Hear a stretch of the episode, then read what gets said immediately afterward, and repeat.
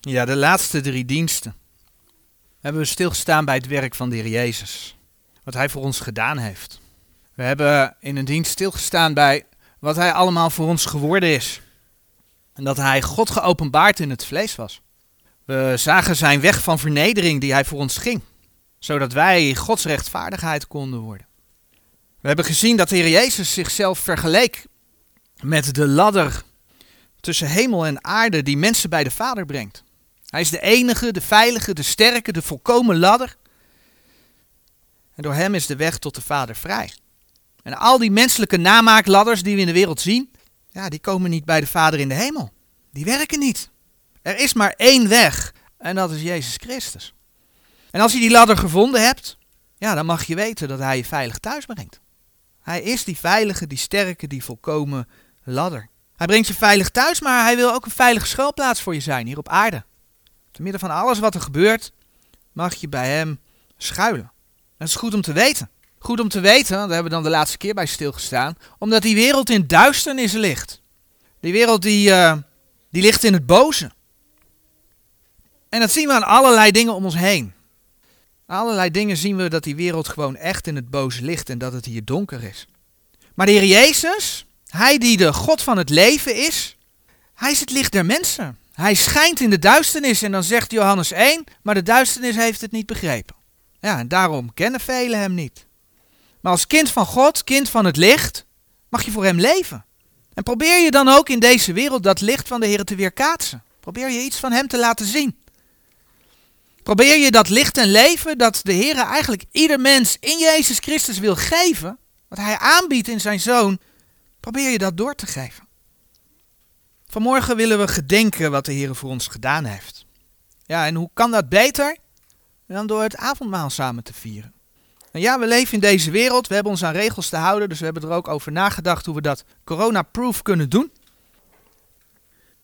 Maar wat is er nu mooier dan nadat we uitgebreid hebben stilgestaan bij die weg van vernedering, die onze Heer voor ons gegaan is tot op het kruis, tot op het, ja, dat Hij een vloek werd ten opzichte van God voor ons, gelaten 3 vers 13, dat Hij tot in de hel is gegaan, handelingen 2 vers 31, de Heer is voor ons in de hel geweest. Moet je in de Statenbijbel lezen, want in veel nieuwe vertalingen is dat weg. Maar hij is voor ons in de hel geweest. Dat we op een bijbelse manier mogen gedenken wat dat voor ons betekent. En dan willen we dan allereerst een gedeelte over lezen. Dat komt uit 1 Korinthe 11. 1 Korinthe 11 vanaf vers 23. 1 Korinthe 11 vanaf vers 23. Want ik heb van de Heere ontvangen hetgeen ik ook u overgegeven heb. Dat de Heer Jezus in de nacht in welke hij verraden werd het brood nam. En als hij gedankt had, brak hij het en zeide: Neemt, eet, dat is mijn lichaam dat voor u gebroken wordt.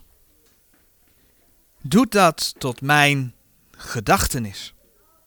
Desgelijks nam hij ook de drinkbeker na het eten des avondmaals en zeide: Deze drinkbeker is het Nieuwe Testament in mijn bloed. Doet dat zo dikwijls als gij die zult drinken, tot mijn gedachtenis. Want zo dikwijls als gij dit brood zult eten en deze drinkbeker zult drinken, zo verkondigt de dood des Heren totdat hij komt. Zo dan wie, op on, wie onwaardiglijk dit brood eet, de drinkbeker des Heren drinkt, die zal schuldig zijn aan het lichaam en bloed des Heren. Maar de mens beproeven zichzelf en eten alzo van het brood en drinken van de drinkbeker. Want die onwaardiglijk eet en drinkt, die eet en drinkt zichzelf een oordeel, niet onderscheidende het lichaam des Heren. Daarom zijn onder u vele zwakken en kranken en vele slapen. Want indien wij onszelf oordeelden, zo zouden wij niet geoordeeld worden. Maar als wij geoordeeld worden, zo worden wij van de Heere getuchtigd, opdat wij met de wereld niet zouden veroordeeld worden.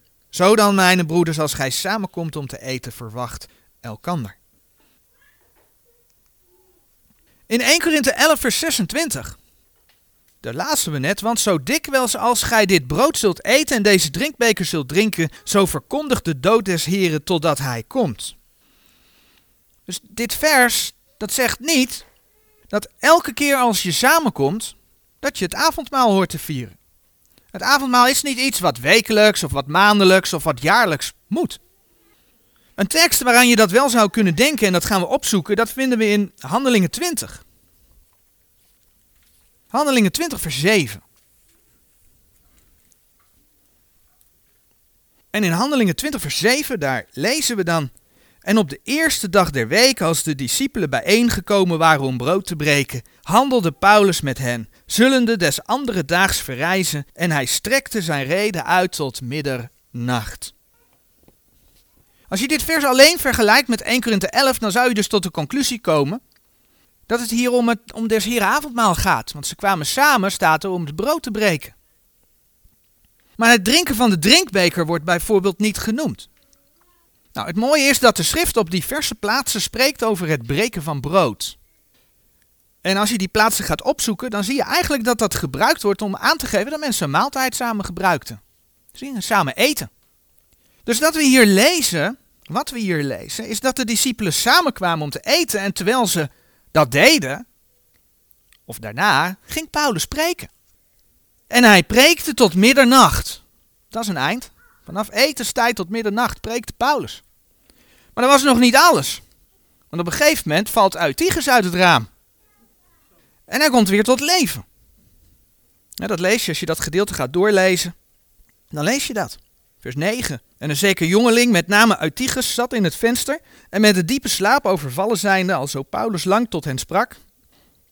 Ja, van het avondeten tot, uh, tot uh, middernacht, dat is lang. Lang tot hen sprak, door de slaap nederstortende, viel van de derde zoldering nederwaarts en werd dood opgenomen. Maar hij komt weer tot leven, dat lees je in de versen daarnaast. En daarna sprak Paulus nog eens een keer tot aan de dageraad. Tot aan de vroege ochtend. Hij sprak tot aan de vroege ochtend. Mensen, wat een eind. Ja, als je dat dan bedenkt, hoe die mensen daar samenkwamen voor Gods woord. Dan komen jullie er bekijkt af, hè? Eén keer een half uurtje. Krap. En één keer, nou, drie kwartier. Maar duidelijk is dat ze eigenlijk niet zozeer voor het eten samenkwamen. Ze kwamen voor Gods woord. En dan trokken ze die tijd vooruit. Daar waren ze mee bezig. Fijn, in dit gedeelte staat nog een tekst waaruit blijkt dat het breken van het brood inderdaad ook gewoon eten is. Want toen Eutychus weer opgestaan was, zijn ze naar boven gegaan en dan gaan ze opnieuw even wat eten. Want ja, ze hebben de hele avond naar Paulus zitten luisteren. Ze hadden even wat nodig om aan te sterken. Kijk maar in vers 11. En als hij weder boven gegaan was en brood gebroken en wat gegeten had, en lang tot de dageraad toe met hen gesproken had, vertrok hij alzo. En als hij weder boven gegaan was en brood gebroken en wat gegeten had, ging even wat eten. Dus dat men op de eerste, uh, eerste dag van de week samen at, tekende niet dat men elke week het avondmaal des Heren vierde. Andere teksten die je daarbij op zou kunnen zoeken is Lucas 24 vers 30, Handelingen 2 vers 42 en 46. Terug naar 1 Korinthe 11 vers 26. Daar staat dus niet dat zo dikwijls wij samenkomen wij het avondmaal moeten vieren, maar daar staat zo dikwijls als gij dit brood zult eten en deze drinkbeker zult drinken, zo verkondigt de dood des Heren totdat hij komt. Dus wanneer wij het brood breken en de drinkbeker drinken, dan is dat een verkondiging. Een verkondiging van wat de Heer Jezus voor ons gedaan heeft. Een verkondiging dat Hij die zonder zonde was, voor ons aan het kruis gestorven is, waardoor wij het eeuwige leven gekregen hebben. En die verkondiging, bij die verkondiging, daar denken we dus aan wat Hij voor ons gedaan heeft. zowel uh, vers 24 als vers 25 van 1 Korinthe 11, die spreken daarover. Doet dat tot mijn gedachtenis. Doet dat tot mijn gedachtenis. Dit is dus met recht een, een, een Bijbelse viering. En is die viering ook voor ons? Ja, die viering is ook voor ons. We vinden deze oproep niet voor niets in de brieven aan de gemeente. Als we lezen wat er staat, dan is dat ook duidelijk genoeg, hè? vers 26. Zo verkondigt de dood des Heren totdat hij komt. Totdat hij komt. De Heer is nog niet gekomen. Zijn voeten hebben nog niet gestaan op de olijfberg. Zacharia 14, vers 4. En ja, dat weet ik. Zijn voeten op de olijfberg, dat is de tweede komst. Maar hij is ook nog niet in de lucht gekomen voor ons, want we zijn hier nog. De Heer is nog niet gekomen. Dus als daar staat en verkondigt de dood des Heren totdat hij komt, ja, dat is een viering die voor ons is. We mogen dat doen totdat hij ons komt halen. En die verkondiging van de dood van onze Heren ziet dus meteen op zijn toekomst. Dat gaat niet zonder elkaar. Het heeft namelijk zin om zijn dood te gedenken, omdat hij is opgestaan uit de dood. Omdat hij is opgestaan, kan hij ook terugkomen. Wanneer mensen de opstanding gaan logenen, en dan bladeren we naar 1 Korinthe 15, dichtbij. Wanneer mensen dat gaan logenen, dan zegt Paulus in 1 Korinthe 15, vers 19. Indien wij alleenlijk in dit leven op Christus zijn hopende, zo zijn wij de ellendigste van alle mensen. En dat zegt hij dus in het kader van mensen, hè, kijk maar in vers 12 van 1 Korinthe 15, die zeggen dat er geen opstanding is. Dus als je Jezus Christus als voorbeeld neemt in dit leven, alleen maar omdat hij een goed mens was, zoals sommige stromingen doen, dan ben je dus de ellendigste van alle mensen. Dat hebben we net gelezen. Want ja, dan ben je eigenlijk net als de volgers van andere religies. Denk aan Boeddha. He, Boeddha heeft allemaal zogenaamde levenswaarheden proberen, uh, gegeven. En proberen mensen dan na te leven. Maar ja, Boeddha is niet opgestaan uit de dood. Boeddha is dood. Dus met Boeddha, de ladder van Boeddha, die bereikt de hemel niet. Die bereikt de Vader niet. En zo kun je natuurlijk veel meer voorbeelden noemen.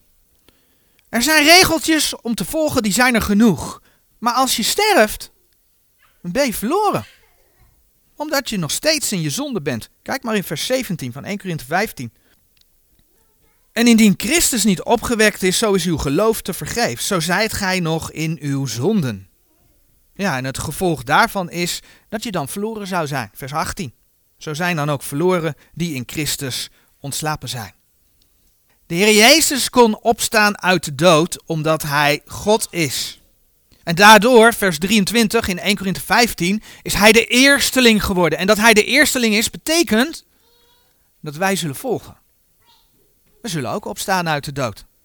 Ja, en als we dan aan de gemeente denken, aan de toekomst, dat de Heer ons tegemoet gaat komen in de lucht, dat de gelovigen die in Hem gestorven zijn zullen opstaan, en dat degenen die op dat moment leven, samen met hen de Heer tegemoet zullen gaan in de lucht. Dat is de opstanding voor de gemeente. 1 Thessalonicense 4 vers 16 en 17. Dus ja, zijn dood gedenken heeft wel degelijk zin en ziet direct op zijn overwinning op die dood. En daardoor mogen wij uitzien op zijn komst. Zijn komst om ons, te komen, om, om, ja, om ons op te halen. Dat is met elkaar verbonden. Nou, als we om ons heen kijken, dan weten we dat het niet lang kan duren of de Heer komt ons halen. Ja, en wat exact niet lang is, dat kunnen we niet zeggen. Dat weten we niet. Maar de ontwikkelingen gaan de laatste tijd zo snel. In de beschrijving van wat de Heer Jezus een beginsel der smarten noemt, en die teksten, daar hebben we afgelopen jaar vaker bij stilgestaan. Ik ga het nu niet opnieuw lezen. Maar daar spreekt de Heer over een beginsel der smarten. Want wij gaan die grote verdrukking niet in. Dus als wij iets meemaken, dan zit dat tegen die beginsel der smarten aan, of het is die beginsel der smarten, maar dan wordt de gemeente opgenomen. Maar daar spreekt de Heer over pestilentiën, maar bijvoorbeeld ook over aardbevingen. En zo kwam ik dus het volgende bericht tegen. De titel vertaald zegt in slechts drie maanden tot 50.000 aardbevingen in stabiel Antarctica. Nou, ik ben, ben voorzichtig met het doorgeven van dit soort berichten, maar deze vond ik wel bijzonder. Want men zegt namelijk dat Antarctica normaal gesproken een heel stabiel gebied is. Niet dat er nooit een aardbeving heeft plaatsgevonden. Maar vanaf september tot en met november hebben daar 30.000 tot 50.000 aardbevingen plaatsgevonden in een gebied dat normaal stabiel is. Dit soort dingen zal in hevigheid gaan toenemen. In november hebben wij het gehad over het thema dat de Heere God alle dingen in zijn handen heeft. Ondanks alles wat er gebeurt, hij heeft het in zijn handen. En toen noemde ik kort dat de laatste dagen ook zullen zijn als de dagen van Lot. Laten we de versen in Lucas nogmaals lezen, Lucas 17. Lucas 17, vers 28 en 29. De Heer zegt dat het zal zijn als in de dagen van Noach, maar de Heer zegt ook dat het zal zijn als in de dagen van Lot. En in Lucas 17, eh, vers 28 lezen we desgelijks ook gelijk het geschieden in de dagen van Lot. Zij aten, zij dronken, zij kochten, zij verkochten, zij planten, zij bouwden. Maar op welke dag Lot van Sodom uitging, regende het vuur en zilver van de hemel en verdierf hen allen. Nou, de Heer maakte in Genesis 19, vers 4 tot en met 13 duidelijk wat er in die dagen van Lot gebeurde.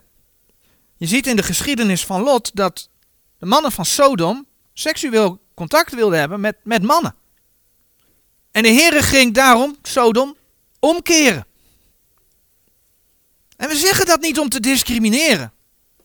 Maar God maakt duidelijk wat hij wil en wat hij niet wil. En zoals hij niet wil dat mensen begeren, hè, Exodus 20 vers 17, de wet. Zoals hij niet wil dat kinderen niet luisteren naar hun ouders, Exodus 20 vers 12. En ik noem expres twee dingen die in de ogen van de meeste mensen geen erge daden zijn. En toch noemt de Heer die daden zonde. Omdat je namelijk tegen zijn woord ingaat. Zo wil de Heer ook niet dat mensen van hetzelfde geslacht één worden. En dat is wat er in de dagen van Lot dus al wel gebeurde. Ja, en dat is dus wat in het, ja, de laatste dagen ook weer gebeurt. En ja, we weten hoe de ontwikkeling van de laatste tientallen jaren gegaan is. Maar ook die ontwikkeling lijkt het laatste jaar alleen maar sneller te gaan. In Duitsland, en daar is dit een berichtje van. In Duitsland is een predikant veroordeeld omdat hij in een huwelijksseminar verteld heeft dat het huwelijk voor man en vrouw is. En hier staat dat hij aangeklaagd is. Dit is een wat ouder berichtje, maar ondertussen is hij ook al veroordeeld. Het huwelijk is voor man en vrouw, heeft hij gezegd, maar ook dat de huidige ontwikkeling een degeneratie in de maatschappij is. En hij heeft de fout gemaakt om de agressie die tegen zijn gemeente geuit wordt, om dat aan te halen als voorbeeld, te benoemen en dus het uh, uit te spreken dat het misdadigers zijn die dat gedaan hebben. Nou heeft hij voor dat laatste zijn excuses aangeboden, maar ondanks dat is hij veroordeeld. En hij had het online gezet. En hij is veroordeeld wegens volksopruiing. Als je over dit onderwerp dus iets zegt, moet je tegenwoordig op je woorden letten. Hoezo vrijheid van meningsuiting? Want dit verhaal gaat verder met ongekende snelheid. Ik kwam een artikeltje tegen wat over Noorwegen gaat. Die staat ook hier zo. Noorwegen heeft de wetgeving uitgebreid en verbiedt dus om binnenshuis dingen te zeggen die tegen, nou, onder andere transgenders ingaat. Dus de Noorweegse wet bepaalt nu dat je binnenshuis niet meer mag zeggen dat het huwelijk voor man en vrouw is, want ja, dat gaat daartegen in. Noorwegen spreekt over haatwetten. Ze willen met die wetten haat voorkomen. Maar dat betekent dus, ja, dat je niets meer mag zeggen wat God in zijn woord zegt. Denk maar aan de veroordeling van die Duitse dominee. En als je denkt, dat is Noorwegen. Nou, schrik niet. Europa heeft afgelopen maand haar eerste strategie gepresenteerd om gelijkheid van de LGBTIQ-beweging te bewerkstelligen binnen Europa.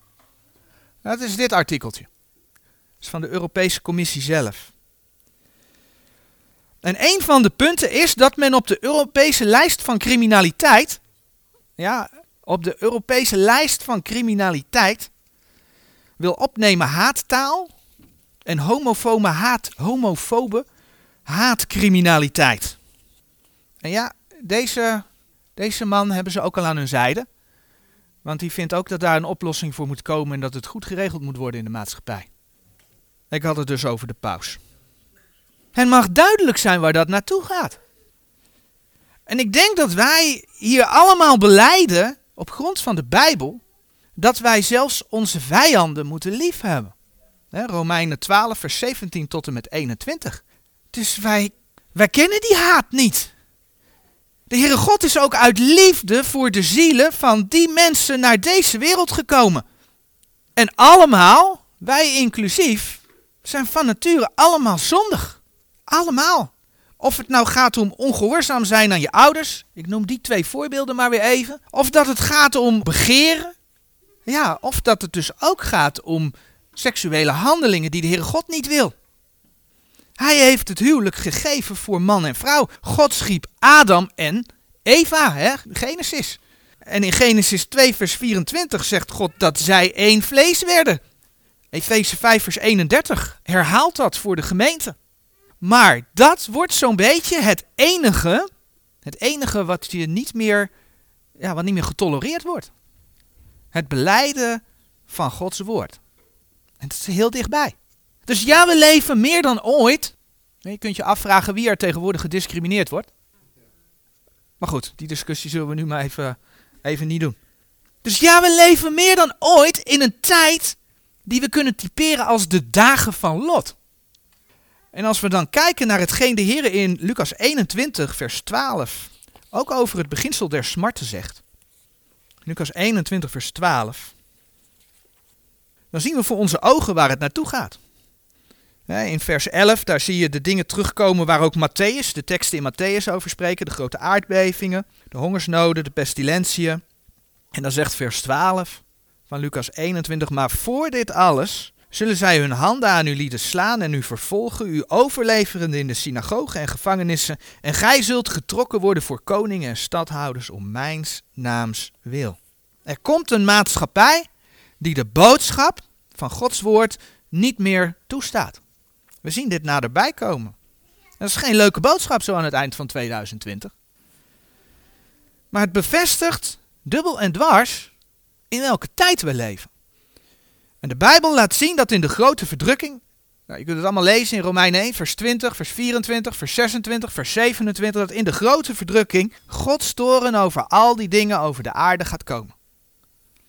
En we weten niet hoe ver wij daar als gemeente in de aanloop naartoe nog in meegaan.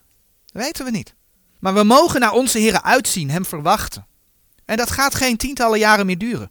En gezien alle ontwikkelingen, denk ik dat we zelfs kunnen zeggen dat dat geen jaren meer gaat duren. Hij heeft ons vrijgekocht. Hij verlost ons van de toekomende toren. 1 Thessalonicense 1 vers 10 kun je ook in 1 Thessalonicense 5 vers 9 lezen. Hij verlost ons van de toekomende toren. Nou, die toren gaat in de grote verdrukking over de aarde. Hij verlost ons daarvan. Hij komt zijn gemeente halen. En wat hij voor ons gedaan heeft en gaat doen, ja, dat mogen wij gedenken. Totdat hij komt. Voordat we aan het avondmaal gaan, wil ik nog een paar versen uit 1 Korinthe 11 lezen. Hebben we al gelezen, gaan we, gaan we opnieuw lezen. 1 Korinthe 11. En dan vanaf vers 27 nog een keer. Zo dan wie onwaardiglijk dit brood eet of de drinkbeker des Heren drinkt, die zal schuldig zijn aan het lichaam en bloed des Heren. Maar de mens beproeven zichzelf en eten alzo van het brood en drinken van de drinkbeker. Want die onwaardiglijk eet en drinkt, die eet en drinkt zichzelf een oordeel, niet onderscheidende het lichaam des Heren. Daarom zijn onder u vele zwakken en kranken en vele slapen. Want indien wij onszelf veroordeelden, zo zouden wij niet geoordeeld worden. Nou, wanneer hier in deze versen gesproken wordt over schuldig zijn aan het lichaam en bloed des Heren, over het niet onderscheiden van het lichaam des Heren, dan wijst dat niet zozeer op het verbroken lichaam van de Heer voor ons, zijn vergrote bloed, maar op de vraag of je ook weet dat je een onderdeel bent van zijn lichaam. Heb je de Heer Jezus als je persoonlijke verlosser aangenomen en ben je daardoor, ja, een kind van God, ben je daardoor in zijn lichaam gedoopt? Ben jij onderdeel van zijn lichaam? Dat ene lichaam, de gemeente. En dat is een belangrijke vraag. En dat dat hier ook mee bedoeld wordt, dat bewijst ook bijvoorbeeld de vers in 1 Korinthe 10, vers 16 en 17. 1 Korinthe 10, vers 16 en 17. De drinkbeker der dankzegging die wij dankzeggende zegenen, is die niet een gemeenschap des bloeds van Christus? Het brood dat wij breken, is dat niet een gemeenschap des lichaams van Christus? Want één brood is het, zo zijn wij vele één lichaam, terwijl wij alle één broods deelachtig zijn. Onderscheid je dat? Heb je de Heer Jezus als je persoonlijke verlosser aangenomen, maar vervolgens leef je daar ook naar? Beleid je je zonde, hè, zoals 1 Johannes 1 vers 9 zegt. En daarom, dat hebben we net gelezen, moet de mens zichzelf beproeven. En nou is dat iets wat je continu in je leven moet doen. Jezelf beproeven in het licht van Gods woord. Dus niet alleen in een kort gebed op het moment dat er avondmaal gevierd wordt. Maar ook vanmorgen kunnen er dingen gebeurd zijn die tussen jou en de Heer instaan. En daarom is het goed om je ook nu te beproeven. Gewoon in het licht van Gods woord. Er staat ook niet dat je opzij moet kijken. Oftewel, of voor of achter, naar andere broeders en zusters. Daar staat dat een ieder beproeven zichzelf. Dus beproef jezelf en maak het in orde met de Heere God. Dus onderscheid je zijn lichaam Beleid je hetgeen wat niet in orde is? Doe je dat, dan kun je vrij aan het avondmaal gaan. Nou, om daar de gelegenheid voor te geven, willen we in stil gebed tot onze hemelse Vader gaan en ieder kan zichzelf beproeven voor het aangezicht van de Heer. Ik zal afsluiten dan met een kort gebed. Laten we bidden. Amen. In vers 23 en 24 van 1 Korinthe 11, daar hebben we gelezen. Want ik heb van de Heere ontvangen. Hetgeen ik ook u overgegeven heb, dat de Heer Jezus in de nacht in welke hij verraden werd het brood nam. En als hij gedankt had, brak hij het en zeide, neemt, eet, dat is mijn lichaam dat voor u gebroken wordt. Doet dat tot mijn gedachtenis.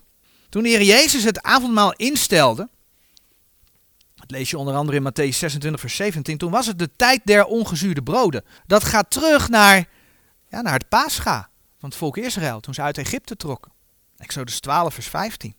En dan laat de Heer in bijvoorbeeld 1 Korinthe, en die teksten gaan we nog even samen lezen, 1 Korinthe 5, vers 6 tot met 8, zien dat zuurdeeg, hè, ongezuurde broden, broden zonder zuurdeeg, dat dat heel bewust was, want zuurdeeg staat in de Bijbel voor zonde. 1 Korinthe 5, vers 6 tot en met 8. Uw roem is niet goed.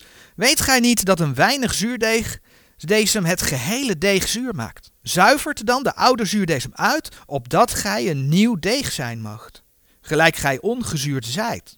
Want ook ons paascha is voor ons geslacht, namelijk Christus. Zo dan laat ons feest houden niet in de oude zuurdesem, noch in de zuurdesem der kwaadheid en der boosheid, maar in de ongezuurde broden der oprechtheid en der waarheid. Zuurdeeg staat dus voor de zonde. En dat gaat het hele brood door en dat gaat het brood doen oprijzen. Een beeld van de zonde. En nu kon de Heer Jezus, die kon voor onze zonde sterven, omdat hij zonder zonde was. Hij was God geopenbaard in het vlees. Daardoor kreeg hij weliswaar een menselijk lichaam. Maar hij was zonder zonde. Hij was namelijk niet uit Jozef geboren, maar uit de Heilige Geest. 1 Timotheus 3 vers 16. 2 Korinthe 5 vers 21. En dat Joodse paascha was dus daar al een beeld van. En daarom brak de Heer Jezus brood dat ongezuurd was. Wij hebben ook brood dat ongezuurd is. Brood dat ongezuurd is. Het is niet gerezen. Ook hebben we gelezen dat de Heer Jezus zei: Neemt, eet, dat is mijn lichaam dat voor u gebroken wordt. Dat was vers 24. Neemt, eet, dat is mijn lichaam dat voor u gebroken wordt. En dat laatste, dat mis je in veel nieuwe vertalingen. NBG 51, de NBV. Waarschijnlijk vanuit de gedachte dat er in de profeten staat dat zijn beenderen niet gebroken zouden worden. Oeps, en nou staat er dus in het ene vers dat er wel iets verbroken wordt. Dan gaan we dat maar niet meer vertalen, dat laten we weg.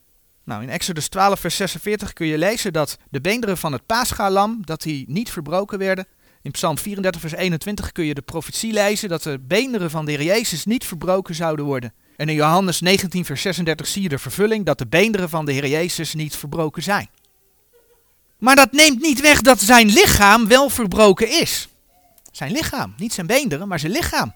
In Johannes 19, vers 1 lees je dat de Jezus gegezeld werd. Je leest in Johannes 20, vers 25 over de spijkers die door zijn handen gingen. Je leest uh, in Johannes 19, vers 34 over de speer die in zijn zijde gestoken werd. En in Matthäus 27, vers 51 lees je dan dat het voorhangsel van de tempel scheurde. En in Hebreeën lees je dan dat dat voorhangsel van de tempel dat, dat scheurde, dat dat vergeleken wordt met het lichaam van de Heer Jezus dat voor ons verbroken is. Laten we die teksten opzoeken in Hebreeën 10, vers 19 tot en 20. Hebreeën 10, vers 19 en 20. Terwijl wij dan, broeders, vrijmoedigheid hebben om in te gaan in het heiligdom door het bloed van Jezus, op een verse en levende weg, welke Hij ons ingewijd heeft door het voorhangsel, dat is door zijn vlees. Ja, zijn vlees, dat wordt het voorhangsel genoemd. Mooi hè? Dat is gescheurd. Dat is voor ons verbroken. Doordat hij verbroken werd, niet zijn beenderen, maar wel zijn lichaam, heeft zijn bloed voor ons gevloeid. Precies zoals de Statenbijbel zegt, zit het gedenken erin dat zijn lichaam voor ons gebroken is. En wij willen dat gaan doen, het brood breken. Maar dat brood breken, dat doen we niet totdat we daarvoor gedankt hebben. Amen. Ja, en toen de Heer gedankt had, toen brak hij het brood. Dus dat gaan we ook doen. Dus we mogen dat doen tot zijn gedachtenis en we hebben ook gelezen. Zo dan, mijn broeders, als gij samenkomt om te eten, verwacht elkander. Ja, en dan zegt de Heer, neemt eet, doet dat tot mijn gedachtenis. Dus dat willen we doen. Ja, en dan gaat het gedeelte in 1 Korinthe 11 gaat verder in vers 25. 1 Korinthe 11 vers 25, vers 25. Desgelijks nam hij ook de drinkbeker na het eten des avondmaals en zeide: Deze drinkbeker is het nieuwe testament in mijn bloed. Doet dat zo dikwijls als gij die zult drinken tot mijn gedachtenis. Wanneer de Heer Jezus over de drinkbeker spreekt, dan gaat men er meestal van uit dat daar wijn in zit. En dan heeft men daar ook nog een gedachte bij, want die wijn is dan gegist. En omdat die wijn gegist is, dan is de zuurdeeg eruit. En dus is dat hè, als beeld van de zonde, zonder zuurdeeg, dus zondeloos. Dus zou dat dan staan voor het zondeloze bloed van onze Heren. Maar dan klopt er iets niet. Want dan zou dat bloed van onze Heren dus eerst gereinigd moeten zijn. Zou het dus als, als aanvang zou dat, zou dat zuurdeeg bevatten. Terwijl onze heiland naar ons toe kwam en zonder zonde was. En zijn, ja, zijn bloed dat zonder zonde was, dat voor ons vergoot. Dus daar klopt iets niet in. Niet in. Als je dan in de Bijbel gaat kijken, dan zie je ook dat de Bijbel aanwijzingen geeft dat dat niet uh, alcoholische wijn is geweest. Laten we allereerst Matthäus 26 opzoeken. Matthäus 26. En dan vanaf vers 27 lezen. En hij nam de drinkbeker en gedankt hebbende gaf hun dien, zeggende, drinkt allen daaruit. Want dat is mijn bloed, het bloed des Nieuwe Testaments, het welk voor velen vergoten wordt tot vergeving der zonde. En ik zeg u dat ik van nu aan niet zal, niet zal drinken van deze vrucht des wijnstoks, tot op die dag wanneer ik met u dezelfde nieuw zal drinken in het koninkrijk mijns vaders. De Heere maakt dus bij de viering van het avondmaal een verwijzing naar nieuwe wijn. Wat in de Bijbel ook wel most genoemd wordt. En waar komt de nieuwe wijn vandaan? Ja, nieuwe wijn die bevindt zich in de druif. Daar gaan we zo een voorbeeld van lezen. Maar dit zijn druiven en in die druiven, daar zit, daar zit de nieuwe wijn in. Als je Jezaja 65 vers 8 opzoekt, dan lees je daar, Jezaja 65 vers 8. Alzo zegt de Heere gelijk wanneer men most in een bos druiven vindt. Men zegt verderf ze niet, want er is een zegen in. Alzo zal ik het om mijner knechten wil doen, dat ik hen niet alle verderven. Het gaat dus om most. Het gaat om nieuw wijn dat men zo uit de druiven perst. En het mooie is dat we in de geschiedenis van Jozef, dat bij de schenker ook tegenkomen, dat dat ook gewoon zo, zo gebeurde. Genesis 40 eh, vers 11. Genesis 40 vers 11. En Farao's beker was in mijn hand. dat is de schenker die een droom had en die ziet wat er weer gaat gebeuren met hem. En Farao's beker was in mijn hand en ik nam die druiven en drukte ze uit in Farao's beker en gaf de beker op Farao's hand. Dat is nieuwe wijn. Gewoon uit de druif in de beker. Israël. Israël op reis. Die heeft geen wijn en sterke drank gedronken. Dat lees je in Deuteronomium 29 vers 6. Maar wat ze wel dronken, lees je in Deuteronomium 32 vers 14. Deuteronomium 32, vers 14. Boter van koeien en melk van kleinvee, met het vette der lammeren en der rammen, die in Bazan weiden, en der bokken, met het vette der nieren van tarwe, en het druivenbloed. Reine wijn hebt gij gedronken. Druivenbloed is reine wijn. Dat hebt gij gedronken, zegt de Heer hier. Dus omdat de Heer Jezus God geopenbaard in het vlees was, was het Gods bloed dat voor ons vergoten werd. Handelingen 20 vers 7. Ook weer, dat vind je alleen in de Statenbijbel, in de nieuwe vertalingen Staat er namelijk een verwijswoordje hij, waardoor je niet meer kunt weten dat het om God gaat. Maar in Handelingen 20 vers 7 lezen we dat Gods bloed voor ons vergoten is. Sorry, Handelingen 20 vers 28. Handelingen 20 vers 28. Zo heb dan acht op uzelf en op de gehele kudde, over de welke de Heilige Geest, u de Heilige Geest tot opzieners gesteld heeft, om de gemeente Gods te wijden, de gemeente Gods, welke hij verkregen heeft door zijn eigen bloed. God is weg in de nieuwe vertalingen. Maar het is de gemeente Gods welke hij verkregen heeft door zijn eigen bloed. God heeft zijn bloed vergoten. Doordat God geopenbaard was in het vlees, kon God zijn bloed vergieten. Ja, hij was zonder zonde. Daarom had hij rein bloed. En daarom mogen wij voor het avondmaal ook reine wijn gebruiken. Druivenbloed. En als we beseffen wat er gebeurt wanneer de Heer Jezus terugkomt, dat kun je lezen in Openbaring 19, vers 15. Dan lees je dat hij terugkomt en dat hij gaat treden de wijnpersbak van de wijn des torens en der gramschap van de Almachtige Gods. Die gaat hij treden. Nou, als je dat weet hoe dat gedaan werd in de oude tijden, hoe een wijnpersbak getreden werd. En dan lees je hoe dat bloed daaruit komt tot aan de tomen van de paarden reikt. Dan weet je dus wat de Heer Jezus voor ons gedaan heeft. Want hij heeft de toren die wij verdiend hadden, omdat wij zondaren waren, heeft hij voor ons weggedragen. Het is eigenlijk gewoon een heel mooi beeld wat daar gebeurt. Jezus Christus heeft dat voor ons gedragen. Hij heeft dat voor ons weggenomen. Hij heeft ons verlost. 1 Thessalonicense 1 vers 10, de tekst staat hier nog een keer. Van de toekomende toren. En daarom mogen wij van de drinkbeker nemen. We hebben al in Matthäus 26 vers 27 gezien dat de Heer Jezus ook voor de drinkbeker gedankt heeft. Ja, doe dat zo dikwijls als gij die zult drinken tot mijn gedachtenis, zei de Heer. Amen.